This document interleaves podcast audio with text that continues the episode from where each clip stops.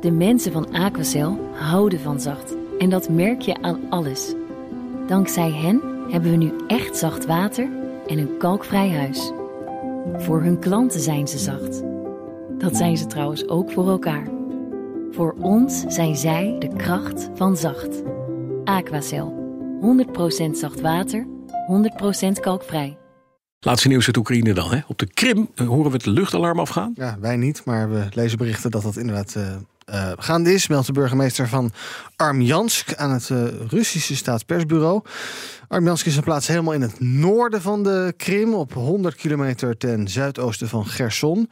Of er nu ook echt aanvallen worden uitgevoerd, dat is uh, uh, onduidelijk. Maar uh, ja, dat die, die, die sirenes zijn een waarschuwing. Dus er zijn blijkbaar toch signalen dat er hm.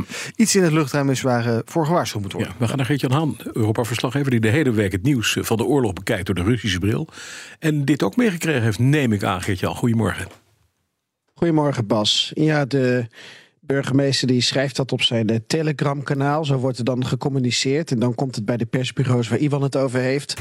En in de berichtgeving staat dat uh, het luchtverdedigingssysteem werkte. En uh, dus was uh, geactiveerd. Dus dat betekent dat er iets op het luchtverdedigingssysteem afkwam. Afgeschoten is, ja. Precies. Ja, en op de Krim en een aantal regio's daar is een, dat noemen ze dan een geel niveau van terroristische dreiging is dan ingevoerd. Dus uh, het zou kunnen dat de Oekraïners met iets bezig zijn. Ja, dat zou kunnen. Nou, dat weten we nog niet. Eén uh, ding weten we wel. De stroomvoorziening in Kiev is grotendeels hersteld... na de Russische raketaanvallen van woensdag. Volgens kantoor van Zelensky hebben in feite alle delen van Oekraïne weer elektra. Polen heeft luchtafweer geschud dat het van Duitsland kreeg... Uh, geprobeerd door te schuiven naar Oekraïne. Maar in, er gebeurt van alles en nog wat. Maar even naar iets anders, want een verhaal dat veel aandacht krijgt... begrijp ik in de Russische media, en ook bij ons... is dat Vladimir Poetin vandaag moeders van gemobiliseerde mannen... dus van soldaten die vechten aan het front gaat ontmoeten? Ja, en alles mag besproken worden, oh. meldt uh, Poetins woordvoerder Peskov.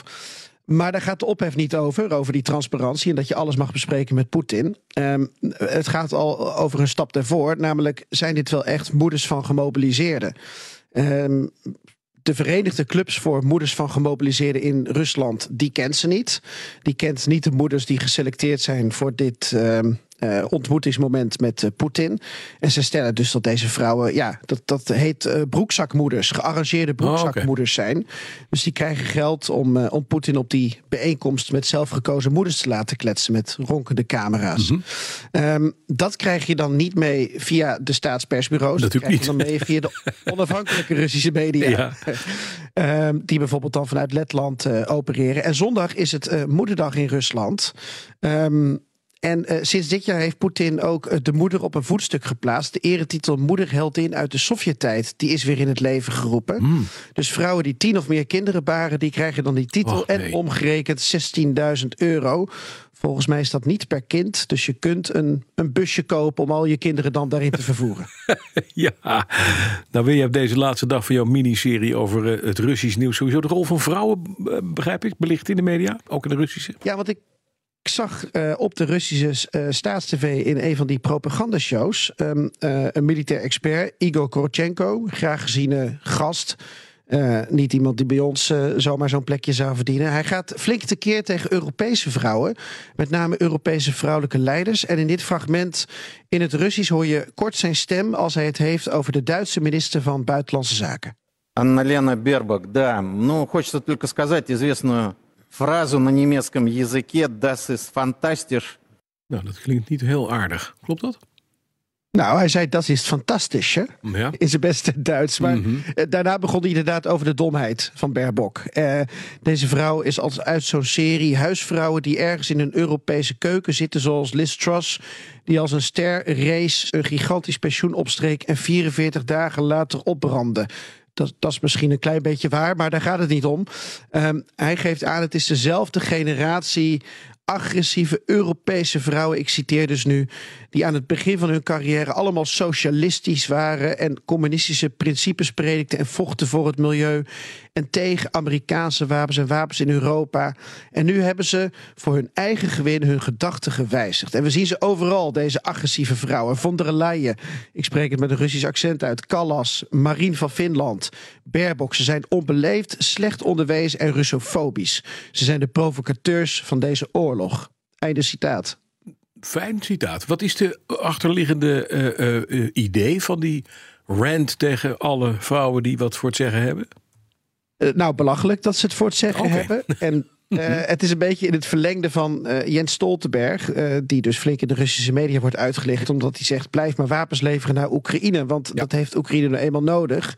Um, en, en deze militair expert zegt: samen met Stoltenberg jagen ze Europa de oorlog in. Oké, okay, maar wacht even. Dit programma, dat was in 60 minuten, hè? Het programma dat twee uur duurt. Ja. Heeft een vrouwelijke uh, anker volgens mij. En ja. als je dit toch over je heen krijgt als vrouw, dan zeg je meteen van: uh, Hallo, meneer, uh, hoe heet u ook weer? Korochenko.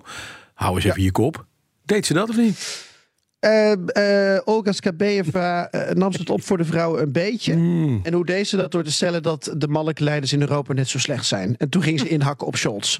Oké, okay, ja, nou ja. Zo kan je het ook iets, aanpakken. Ja, dat is waar. Ja. Uh, dan heb je ook een man gevonden die het gedaan heeft. Nog even aandacht voor die protesterende vrouwen in Rusland. Want die zijn er ook, hè, los van het feit dat Poetin nu uh, actrices inzet om uh, te laten vertellen dat zij moeders zijn van gemobiliseerde mannen. Er zijn ook echte moeders hè, van gemobiliseerde mannen die ook protest voeren. Ja, klopt. Uh, die hebben zich dus verenigd, hè, wat ik aangaf. Ja. En uh, dat het me ook denken aan een interview dat ik uh, in april had in Parijs met een Russische socioloog, Alexander Bikpov. En die zei toen tegen mij: let op de vrouwen. Als er ook maar één vorm van protest is in Rusland dat we in de gaten moeten houden, dan zijn het de vrouwen of de, de, de feministen. Moeders. Ja, Want okay. die vrouwen die krijgen iets meer ruimte dan mannen om te demonstreren. Mannen krijgen dan misschien überhaupt geen ruimte. En hij ziet dat ook nu in Rusland sterker worden. Ik heb het even aan hem gevraagd. Uh, geen grote demonstraties, maar ook die vrouwen openen Telegram-kanalen. Anti-oorlogberichten schrijven ze op bankbiljetten. Um, ze laten graffiti achter op objecten in, in Rusland. En um, ja, dat zijn dus hele interessante kleine vormen van protest. Ja. De, de, als je dan ziet hè, wat, die, wat die vrouwen doen, Telegram-kanalen zeg je net, die openen ja. ze. Wat is daar te lezen? Uh, nou, nou, ten eerste ze kregen een bericht, uh, dat gebeurt ook op heel lokaal niveau. Je hebt een miljoenenstad, die Ekaterinburg. Ja. En daar is dan hun, hun hoofdactiviteit het plakken van anti-oorlogstickers. Dat schrijven ze dan in die Telegram-kanalen. Dus eigenlijk vertellen ze wat hun methodes zijn. Ze laten nu papier gevouwen duiven achter bij haltes en in de metro.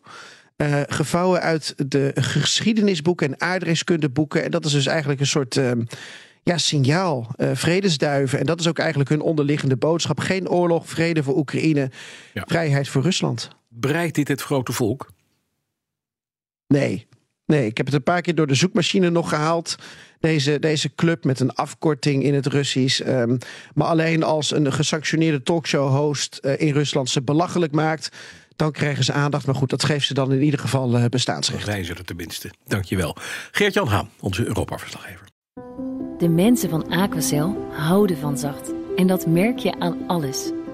Dankzij hen hebben we nu echt zacht water en een kalkvrij huis. Voor hun klanten zijn ze zacht. Dat zijn ze trouwens ook voor elkaar. Voor ons zijn zij de kracht van zacht. Aquacel. 100% zacht water, 100% kalkvrij.